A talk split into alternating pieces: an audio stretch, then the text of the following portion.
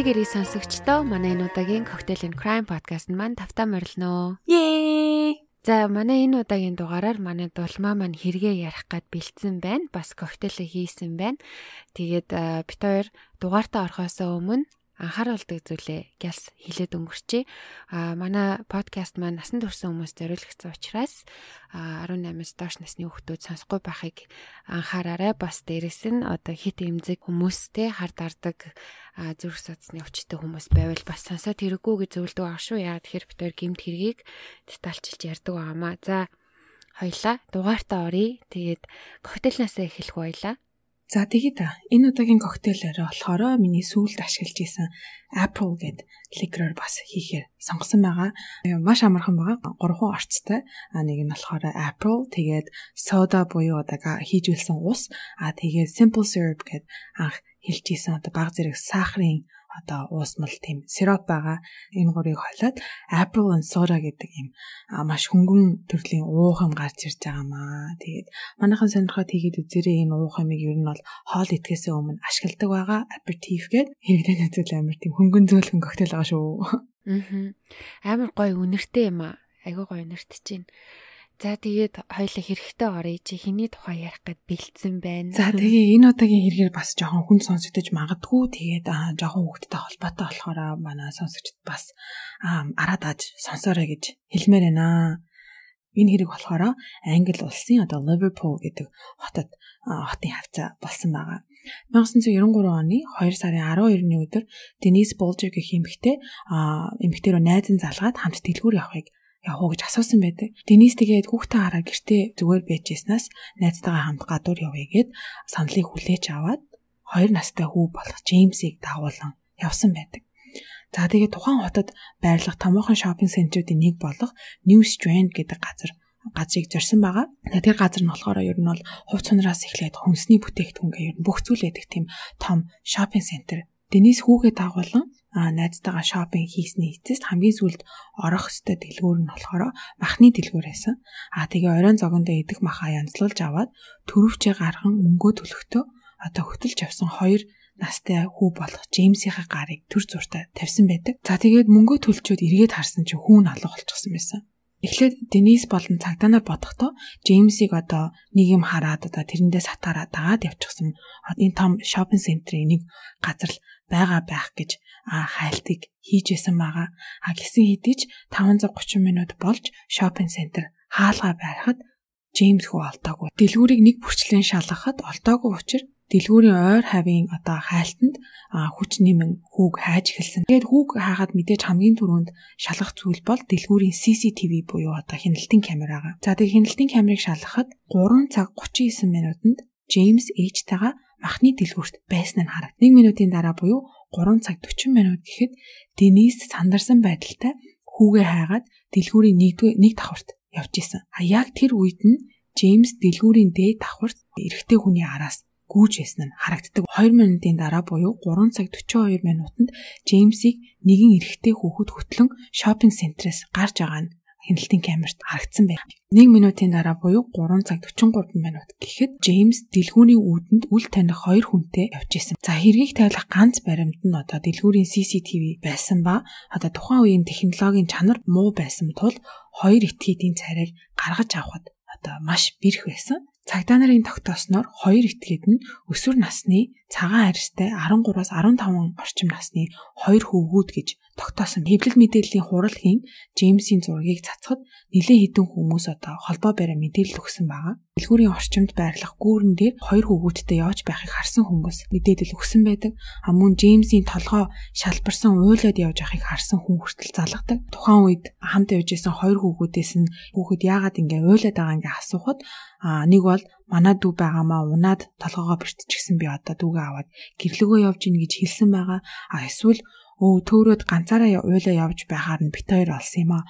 Одоо цагдаагийн хилтэс рүү дагуулад ээж аавыг нь олох гээд явж ийн гэсэн тийм мэдээлэл өгсөн байдаг. За ийм байдлаар Джеймсийг тэр хоёртой явж байхыг нийтдээ 38 хүн харсан. Тэгээ эрэлтийн багийнхан муу усны сувгаас эхлээд одоо бүр шумбөгчаар хүртэл голыг хүртэл нэгцэндэг боловч Джеймсийг олж чадаагүй байгаа. 1993 оны 2 сарын 14-нд буюу Джеймс хүү алга болсноос 2 хоногийн дараа хичээлээ таслаад явж байсан хэсэг хөвгүүд цагдаагийн хэсэгт бүр ингээд шаагилдан орж ирээд цагдаагийн байгууллагын араар явах галт тэрэгний зам дээр цогцос байна гэж мэдүүлсэн. Тухайн үед ажиллаж байсан цагта хэргийн газрыг очин шалгахад цогц нь галт тэргэнд дайруулан дундуура тасарсан байдалтай харахад бага насны хүүхэд гэдэг нь мэдгдсэн. 100% ноцтой биш хэдий ч Денисийг сэтгэлээ бэлтгийг цагдаа нар анхааруулсан байгаа. А тэгээ тухайн цогцыг Джеймс гэдгийг авга ах нь очиж тодорхойлсон. Ийхүү харамсалтайгаар 2 настай Джеймс хүү нас барсан байдалтай олцсон. Хэргийн газар нь ээжтэйгээ явж исэн дэлгүүрээс 4 км орчим зайд байсан а мөн тухайд дүүргийн тэг цагтаагийн хилцээс километр хүрэхгүй газар байсан. Анх хэргийн газар цагдаа нар болон шинжижид очиход цогцыг харахад галт тэрхэн дайруулан нас барсан гэж таамаглаж байсан хэдий ч одоо Джеймсийн толгой болон биеийн дээрх байгаа шархыг хараад осол биш гэдгийг тогтоосон. Ийхүү хэргийн байдал нь хүүхэд хулгааснаас хүн амны хэрэг болон одоо хоёр этгээдийг хайх үйл ажиллагаа ширүүсэн. Хяналтын камер дээр харагдах хоёр дүрсний царайг гаргахад бэрх байсан хэдий ч тухайн үед дэлгүүрийн ойр хавьд явж байсан 10-аас 18 насны 20-од хүүгүүдээс байцаалт авсан. Тухайн үед байсан одоо хамаг сайн технологиороо хяналтын камерт бичигдсэн царайг одоо баг зэрэг сайжруулан Английн Crime Watch гэх гэмт хэргийн нэвтрүүлгээр хоёр хүүгүүдийн дүрсийг цацсан. Тухайн нэвтрүүлгийг үзсэн нэгэн эмэгтэй мэдээлэл өгсөн нь хичээлээ байнга тасалж сахилахгүйтаж явдаг нэг хоёр байна да. Бараг наа хоёр ч мөн байна гэж мэдүүлсэн. А мэдээллийн дагуу 2 сарын 18-ны өглөө Роберт Томпсон болон John Venables гэх хоёрыг баривчлан авсан байгаа. Роберт Томпсон болохоор 10 настай хоёр эрэгтэй дүү болон ээжтэйгээ хэрэг болсон газраас холгүй амьдардаг нэгэн. А дээрээ дөрвөн ахтай боловч ээж нь хүүхдүүдэд асран хамгаалах боломжгүй улмаас foster care буюу хүүхэд асран хамгаалах програмаар дамжуулан айлд амьдардаг байсан байгаа. Хэрэг дээр ажиллаж байсан мөрдөн байцаагч Робертийг өрөөнөөсөө гарч ирэхийг хүлээж байхдаа 7 настай дүүтэй нь ярилцсан. А дүүн хэлэхдээ Хоёр настай Джеймсийн тухай би мэдээгээр үзсэн. Манай ах бит хоёр хэргийн газар очиж цэцэг хүртэл тавьсан гэж хэлсэн байдаг. А үүнийг сонсоод мөрдөгч бодохдоо за энэ хүүхэд ер нь бол цэцэгтэн биш юм шиг байна. Арайч хэрэг үлдчихэд буцан очиж одоо харуулсал үзүүлж байгаа мэт ингэж жүжиглэж цэцэг барьж явахгүй байх гэж бодсон. Джон Venables-ийн хувьд болохоор 10 настай ээжтэйгээ ахтайгаа дүүтэйгээ амьдардаг нэгэн хүү байсан. А багш нарын хэлсээр болохоор ер нь бол сахилахгүй талтай хүү гэж дурдгдсан байна. Хоёр хүүгүүдийг хоёр өөр хилцээр аваачин мэдүүлэг авсан ба мөрдөн байцаагч нарын хувьд одоо хүн амны хэрэгт холбогдсон хамгийн залуу бага насны хүмүүс байсан. Мэдээж 10 настай хүүхдээс одоо мэдүүлэг авч байгаа учраас маш болгоомжтой эвтэйхэн авах шаардлага гарсан. А хамаагүй жоохон хүүхд хэмжин занал хийлээл хийсэн хэрэгээ хүлээх гэх юм бол мэдээж жоохон хүүхд чинь шууд шоконд ороо дуугаа болох тийм магадлал өндөртэй шүү дээ. Тийм учраас тэр хоёрын одоо эвийг нь олох гэж байцаалт маш удаан явагдсан. Джон эхний байцаалтан дээрээ тухайн шопинг центерт байсан мөн Джеймсийг харсан гэдгээ хэлсэн.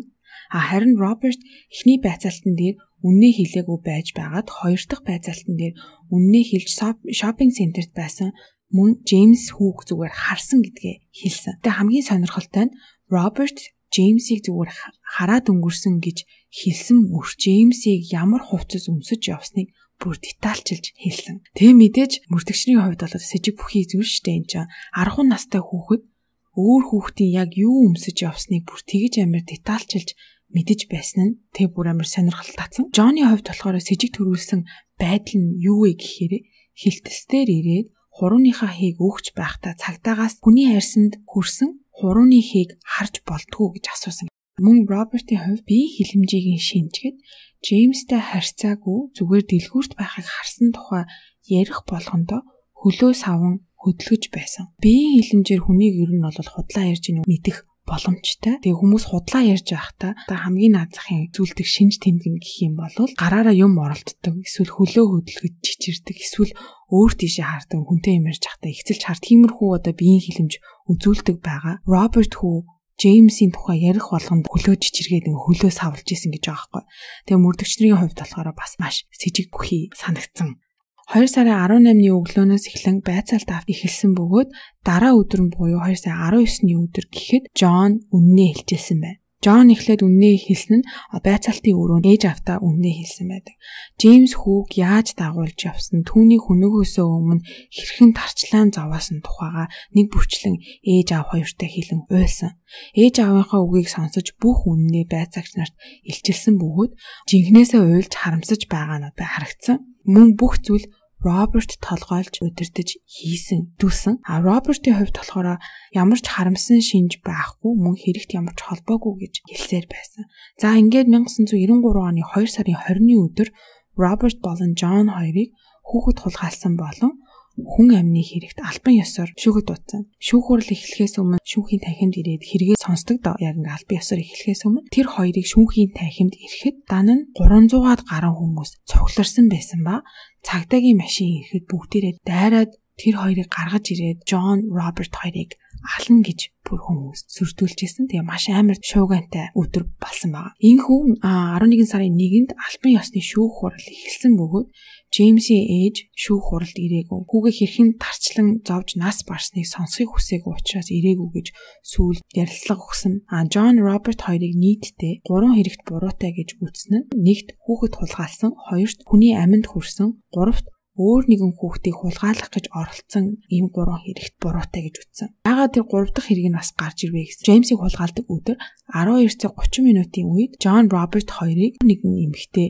тэр шопинг центерт харсан. Хүү охин хоёртойгоо дэлгүүрт явж байхад Роберт Джон хоёр хажууханд нь ярьж байгааг сонссон. А юу гэж сонссон бэ гэхээр Роберт Джонд хэлэхдээ энэ хоёрын нэгийг нь авъя гэж хэлсэн бөгөөд тэр эмэгтэй бодохдоо энэ хоёр одоо хулгай хийх чинь гэж бодоод нэгийнхэн бодоогүй шопинга хийгээд явсан байдаг. Сүүлд Джон мэдүүлэхдээ тэр эмэгтэй хүүхдийн нэгийг нь авч яваад дэлгүүрийн урд байх төв зам дээр аваачин машины урд түлхэн хөнөөх санаатай байснаа хэлсэн. Джон Роберт хоёр Джеймсийг аваад явж байхыг харсан 37 гэрч шүүхийн тархимд ирсэн бөгөөд Джеймсийг хинбэ яагаад уйлчив те на толгой тархин яатсан гэж асуухад манай дүү агаамаа гэрлүү ээж авруугаа авч явж гин гэж хэлсэн байдаг. Өөрний хэлсэн юм нь төрсэн хүүхэд цагдаагийн газар руу дагуулж явж гин гэж хэлсэн. Шүүхийн танхимд ирсэн гэрчүүд одоо тэр 37 гэрчүүд бүгд өөрсдөө хэр их буруутаж байгаагаа илэрхийлсэн.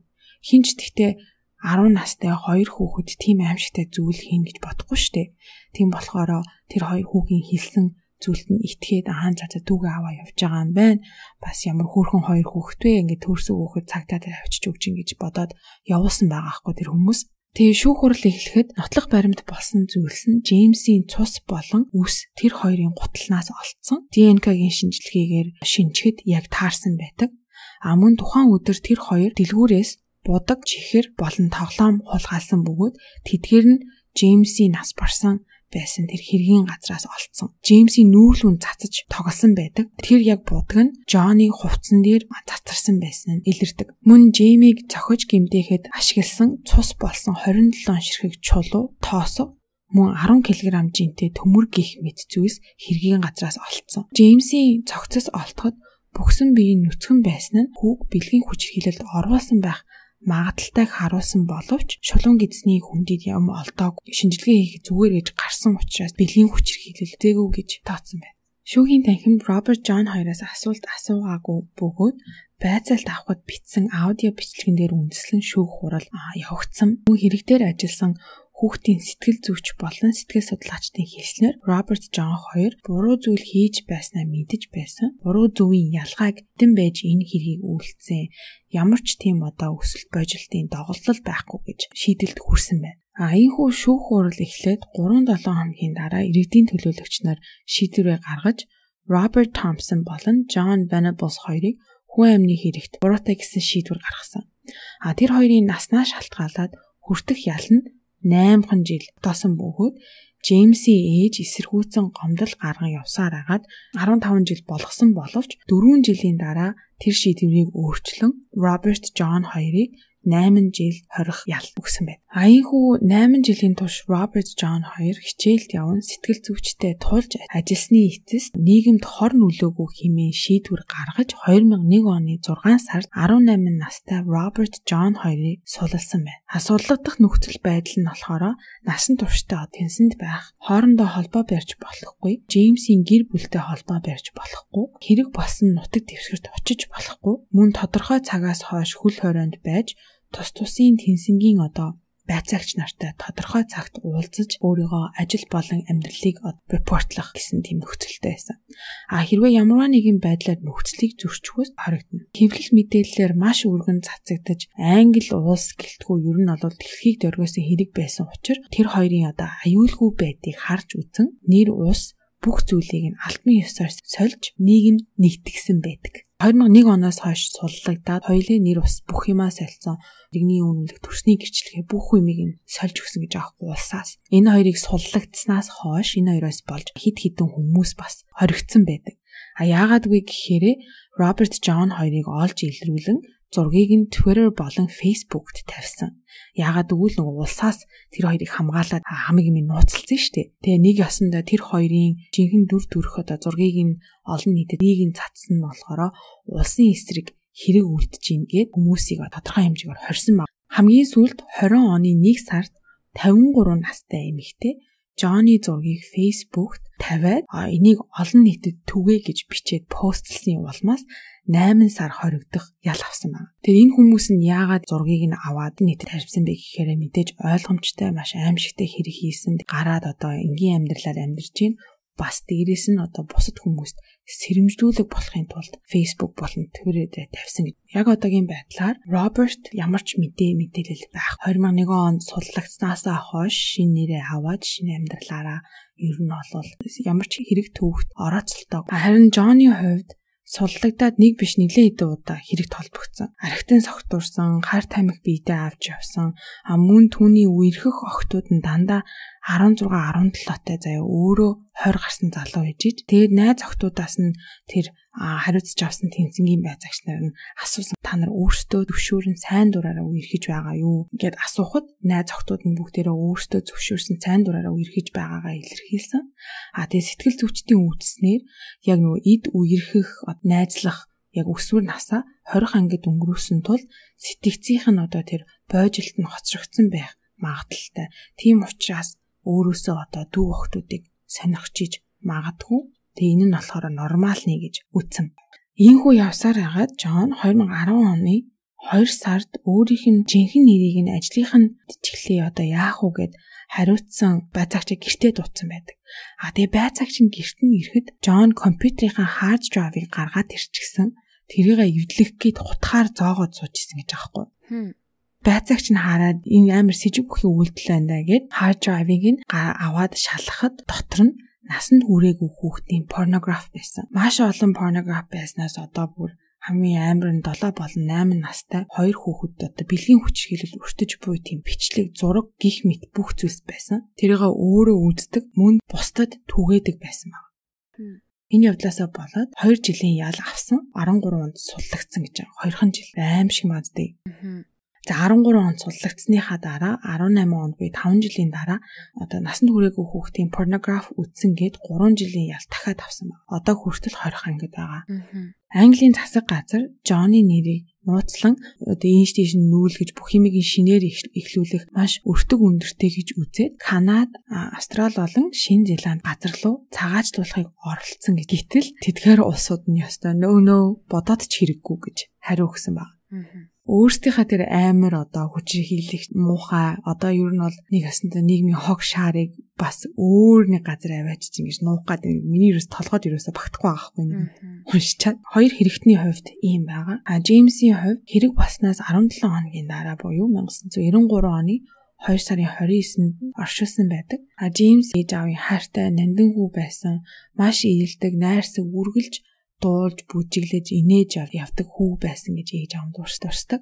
А хүүгийн оршуулганд бол маш олон хүмүүс гашуудлаа илэрхийлэн ирсэн. Сүмээс оршуулганы газар хүртэлх замд гашуудлаа илэрхийлэн 500-аад хүмүүс ирсэн. Джеймсийн ээж Денисийн сэтгэлийг тайлгаруулах гэж маш олон хүмүүс дэлхийн өнцөг болон бүрээс захаа бичдэг байсныг ээж нь одоо хүртэл хадгалж явдаг. Тэр цагтлуудыг хаяа гаргаж ирж уншиж дэлхий дээр муу хүмүүсээс илүү одон тооны сайн хүмүүс байдаг гэдгийг санаж явахыг хичээж явдаг гэдгийг ярилцсан хэлсэн байлээ. Джеймсийг нас барснаас 9 сарын дараа Майкл гих хүүтэй болсон байдаг. Аав ээж хоёр нь сүүлд өгсөн ярилцлаганда ээж нь дурдахтаа Майклыг тээгүү байсан бол би бол амьд явж байхгүй байсан. Хүмүн миний амийг аварсан гэж хэлж исэн.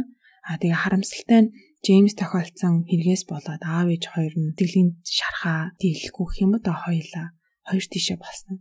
А Денис одоогоор хоёр дахь нөхөртөө гурван хүүтэйгээ амьдардаг. Тэгээ Роберт Джон хоёрыг чөлөөтэй амьдарч байгаа нь Денисийг маш төвшүүртэй байлгадаг гэж ярилцсан дээрээ дуртаж илээ. Гурван сайхан хүүгийн тэр хоёр гинт гарч ирээ дахиад аваа явуучих юм шиг санагддаг гэж дурдсан. Тэгээ Денисийн одоо хийж байгаа зүйл нь болохоор Джон Роберт хоёрын одоо жинхэнэ дүр төрхийг олон нийтэд зарлаж нэрийг нь хүртэл хэлэх ёстой петишн үүсгэж хуульчтай ярилцаж хөөцөлдөж яваан билээ одоо хүртэл өөрөө хэлэхдээ миний хүүг юу ч олоогүй юм шиг аваад явсан. Одоо өөр хүний хүүхдийг дахин аваа явуул яах юм бэ? Тийм учраас энэ хоёрыг хэн бэ гэдгийг нь олон нийтэд түгээх ёстой. Нэр усыг нь гаргах ёстой. Зургийг нь олон нийтэд таниулах ёстой гэд одоо хүртэл хөөцөлдөж явдаг. За нэг ийм нэг аимшигний хэрэг байна. Джон Роберт хоёрын хувьд яг одоогор нөгөө бүх дээл нь нууцлагдсан болохоор гэр бүлийн асуудал байсан үгүй нь бол яг баттай биш. Гэхдээ шинжээчдийн амглаж байгаагаар зүг зүгээр байжгаад эрүүл саруул 10 настай хоёр хүү зүг зүгээр яж байгаа ийм зүйлийг бол гинх хийхгүй. Тийм болохоор гэр бүлийн ямарваа нэгэн асуудал байгаа байх гэж хамгаалдаг. За нэг ийм хэрэг байна. Одоо хүртэл Англи улсад эрхчлөөтэй энэ хоёр хүн явж байгаа. Надад бүр амар эвгүй санагцсан. Яг энэ хоёр хүмүүс ч байгаа байж байгаа гэхээр хараа амар эвгүүлийн тий амар. Тийм баг насандаа ийм амар юм хийсэн хүмүүс одоо бас юу ч хийж чадах юм бэлээ хэцүүл. Тэгээ хэрэг үйлдэхтэй хоёул бага насных байсан, 10 настай байсан болохоор байцаалт авсан тэр бичлэгийг нь бол хавд арчихсан юм байлээ. Олон нийтэд түгэж болохгүйгээд. Аа. Мэдгүй би бүр гайхчлаа л одоо энэ Английн хууль одоо ямар сони юм бэ? Яаж одоо ийм их нөхсөвтэй байгаад идэм бэ? За, Робертийн хувьд болохоор би яг хувьдаа тэгж ботсон л доо. За 10 наснда тийм аимшигын зүйл хийчихлээ. 18 наснаа наснда суллагдлаа. Гараад ирлээ. Ямарваа нэгэн хэрэг төвөгт одоо орооцолдох магадгүй. Үнэхээр засарсан байх. А Джонны хувьд нэг биш нилээ дуудаа ингэж насан туршийн хүүхдийн порнографтай байна гэдэг чи юу гэсэн үг вэ? Тэгэж байхад нь 2хан жил, 3хан жил орон гарan орон гарan тэнсэнгийнх нь одоо нөхцөл нь яагаад үйлчлэхгүй байгаа юм болоо? Хэрвээ ямарваа нэгэн байдлаар хэрэг төвөгт оролцох юм бол буцаад хорих ангид ороод насаараа хоригдно гэсэн нөхцөлтэй байсан. Тэр нь яагаад өөрчлөгдөд байгаа юм бэ? Надад хариулт хэрэгтэй байна ороо орны нөгөө өөр юм да тий. Эрүүгийн бол тийм симхи цаорхогоор муухай юмнууд ингээд амьдраад ах юм өстө муухай юм аа. Яг анх нөгөө дөнгөж хүүхэд дэлгүүр талга болж байхад гээд ийл бол та ээж нь арай удаан хүлээцсэн юм шиг өөрөө яг паникнд ороод дэлгүүр хаатал өөрөө хайсан юм шиг байна тий би зөв ойлгосноо. Зөвлөмжүүд юм л ч та одоо ийм олон нийтийн газар ялангуяа дэлгүүрттэй зах дээр явж хахад хүүхэд ингээ гарнаас ч мултраад одоо эргээд харахаа оронд алга болчтой штэ. Тэгэхэд за энэ ховцны аруур агаах, за энэ цамцны аруур агаах гэд ингээ өөрөө ингээ дотроо ингээ түгшээд хайгаад явахынхаа оронд ингээд амар орилдог гинэ тэрүүгээр нэг орлоод миний хүүхэд алга болчлоо. Миний одоо тим настай тим одоо царайдстэй эмэгтэй хүүхэд ч юм эрэгтэй хүүхэд алга болчлоо. Тамны одоо надад туслаарай те яг одоо ингээ бүгдээрээ хайлцаад өгөөч гэд ингээ тэрүүгээр нэг орилдог гинэ. Тэгэхгүй болвол өөрөө паниктай хайгаа явж байхад одоо энэ хүүхд тулгаалж байгаа те хүний намаа хийж байгаа хүмүүс аль үжээ ингээ шургаад алга болцсон байдаг. Хэрвээ одоо чанга дуугаар орлоод гинт нэг доор бүгд ингээд хайлцаад эхлэх юм бол одоо ямар нэгэн байдлаар одоо тэр гимт хэрэгтэй айдаг ч юм уу те дагуул явж байхдаа айж имээгээд одоо баригдахаас айгаад одоо байгаа газараа үлдэгээ явдаг гэж нэг юм сонсч ирсэн юм байна. Тэгээд ээж нь бас нэлээ удаан ганцаараа паниктцсан юм уу да гэж анханасаа л яг тэрэн дээр нэг алдаа гарсан юм уу гэж бодогч. Нөгөөтэйгүр ийм ийм жоохон хоёр хүүхэд яаж ийм санаанд оромгүй юм хийж чадчихэна тий тэр нөгөө нэг гимт хэрэгтэн бүтээгддгүү төрдгүү гэдэг асуултаас дахиж гарч ирж байгаа юм санагдаж байна. Энэ хоёр бол миний бодлоор төрцөн юм шиг одоо эцэг их нь яаж ч ямар ч хүчирхийлэл үзүүлдэг байсан гэсэн ийм жоохноос ийм үйлдэл хийн гэдэг чинь бас хайхтар юм а. Хэлэх үг үнэхээр олдохгүй байна. Энэ хоёр доо төлөвлөж явсан тэр өдөржингөө дэлгүүр шопинг центрээр явсан тулгаа хийсэн зүйлүүд нь угаасаа жоохон хүүхдийг уруу татгаж улгаалсан зүйл чихэр Trolley doll нэг тийм Google Google-тэй тоглоом. Тим юм ингэж улгаалж хүүхдүүдийг уруу татсан байгаа аахгүй. Өмнөх хүүхдийг энэ дээр одоо машины өмнөр түлхэж те машин мөргүүлэхийг хүссэн гэдэг чинь юу гэсэн үг. Тэр хяналтын камераар харахад бүх зүйл 4 минутын дотор болсон. Төрөвчөө гарах гад хүүхдийнхаа гарыг тавиал буцаа харсан ч одоо тэр бол төрөвчөө гаргаад мөнгөө өгөхөд бол ер нь бол минут ч хүрэхгүй штэ. Тийш штэ. Тэгэл харахад хүүхэд нь байхгүй болчихсон байсан. Хайгаал явж байхад 4 минутын дараа хүүхэд нь тэ бүр дэлгүүрийн гадаа явж исэн гэхэр чинь бүр маш хурдан болоод өнгөрсөн байгаа. Үнэхээр бүр хүүхдээ бүр хизээж тавьмааргүй бүр санагдтал. Ирэмхийн зурал амар хурдан болчих юм аа нэр. Харин тэгээ жоохон баг насны хүүхдтэй бас сонсож байгаа эцэг эхчүүд ч авсан баг. Тэгээ жоохон дүүтэй хүмүүс бас сонсож байгаа баг. Амандаа 100 гэдэг шиг өөрөөсөө баг гинжлээ явж явж идэм үү яа тэгээ хизээ хаана юу болох нь мэддэхгүй сонор сэрэмжтэй байхгүй л айгу бүх юм угаасаа маш хурдан болж өнгөрөх нь угаасаа ойлгомжтой. Тэр нөгөө нэг бичлэгнүүд эдчтдээ хятадд хүүхд тулгаалж байгаа бичлэгнүүд зүгээр уг зүгт татаал зүгээр секундын дотор алга болчих. Яг уу ийм юм болно гэж хэлж байгаа юм биш. Тэ хүүхд алга болсон цагт зүгээр тэр доороо маш чанга дуугаар тэ аль болох олон хүнд мэдэгдэх хэрэгтэй байх нь. Тэгвэр одоо гемт хэрэгтэн яг ямар хүн байх нь үнэхээр тодорхойгүй байна те эмэгтэй хүн байж болж гин эрэгтэй хүн байж болж гин одоо гаднаас нь харахад хараад өө энэ бол нэг хэр хийчихэр хүн байна энэ бол зүгээр хүн байна гэж хизээч хэлхийн аргагүй байх нь тэгээ ийм жоохон хүүхдүүд хүртэл ийм амар хэргийг үлдэх одоо чадaltaй чадвартай сэтгэн бодох чадвартай байна тийм амар муухай одоо юу гэдэг чөтгөрлөг бас байж болох нь байна штэ бүр амар санаанд оромгүй ч гэсэн боломжтой юм байна. Тэгэхээр бүхэл одоо нэг үхсэн үхсэн үнээс биш амьд үнээс аа гэдэг чинь л дахиад гарч ирж юм да. Тэгээд ямар ч хүнээсээ исэн хүүхдээ бүрцтэй нүднийхээ цэцгийн мэт хамгаалах нь байна штэ. Өстэй амар юм аа. Джеймсийн хэрэг гарснаас хойш хүүхдүүдийн нэг юм ингээ үүргэвчиг өөрүүлцдэг тэгээ ингээд урт оосортай гарант чинь ингээд байж идэг а Джеймсийн хэрэг гарснаас хойш Англид тэр хүүхдийн одоо гэх юм уу та одоо уяа худалдаа нь бүр амар өссөн гэсэн. Хаач явсан газар хүмүүс бүгдээрээ хүүхдээ ингээд нөгөө нэг юу яцсан уяатай одоо хүртэл ингээд харагддаг ш гадуур явж байгаа нэг юм бүрхэн сармагчин мармагчин ингээд цүнх шиг мөртлөө хойно ингээ уяатай ингээд ээж аав нь ингээд муухагаар хэлэхэд яг ингээд нохоо шиг харагддаг л та. Тэгтээ бас бидний харч ямар балаа ингэж боддог гэсэн аахгүй. Тэгээ энэ хэргийг ингээд унсныхаа дараа бас үнэхээр хэрэгтэй юм байна гэдэг шийдэлд хүрсэн гэсэн. Аа. Тиймэрхүү юм байвал бас манайхан аваад хэрэглэхгүй олон нийтийн газар явж байхдаа хөөрхөн л харагддсан билээ. Аа. Бас нэг бараа хэрэглэн бичлээ. Энэ барааг зардаг хүмүүс байл бит баярлаа хантаарч. Тэгээ угаасаа нөгөө нэг яг хөлд орцсон баг насны хүүхэд ч айгу хөдөлгөөнтэй байдаг шүү дээ. Тэгэхээр нөгөө тас хориод тэврээд хөтлөөд байгаад байх айгу бас хэцүү. Тим уяатай хаар чи бас ядаж нэг хитэн метрийн зайд өөртөө таваараа гүйж яхад бас зүгээр юм да тий. Өөртөө зардсан юм шиг л рекламдж ах шүү. Яа хайр. Рекламны паас. За маш сургамжтай айгу амар өстой санаанд оромгүй тий. Пүүх юм байж болд юм уу гэж ботгохоор амар хэрэг байна. Дулмаа маань бас ийм хүүхдтэй холбоотой хэрэг айгүйх ярьж өгч гин. Тэгээ маш их баярлаа. Бахан хүүхдүүдтэй хэрэг байдаг болохоор энийг сонсохгүй боллоо. Үгүй уйлал сонсоод идэв юм шиг л штэ. Баахан уйллаа гэл сэтгэл орж ирээд идэв. Зарим чадахгүй юм байна. Би комментиг нь уншиж чадахгүй юм байна боллоо.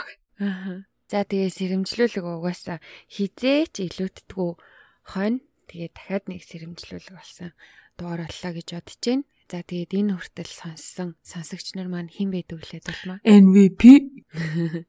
За тэгээд манай дугаасаа яг юу их хэвтэйгоо мэдж байгаа те. Дөрийн сошиал хаягуудаар орж ир сэтгэлдлүүдээ бас үлдээгээрээ а YouTube-ийнхаа бичлэгний доор хэдүүл бас санал сэтгэлдлээ чөлөөтэй ярилццгаая те юм нээлттэй. За тэгээд дараагийн дараагийн дугаар хүртлээ төр баяртай. Bye.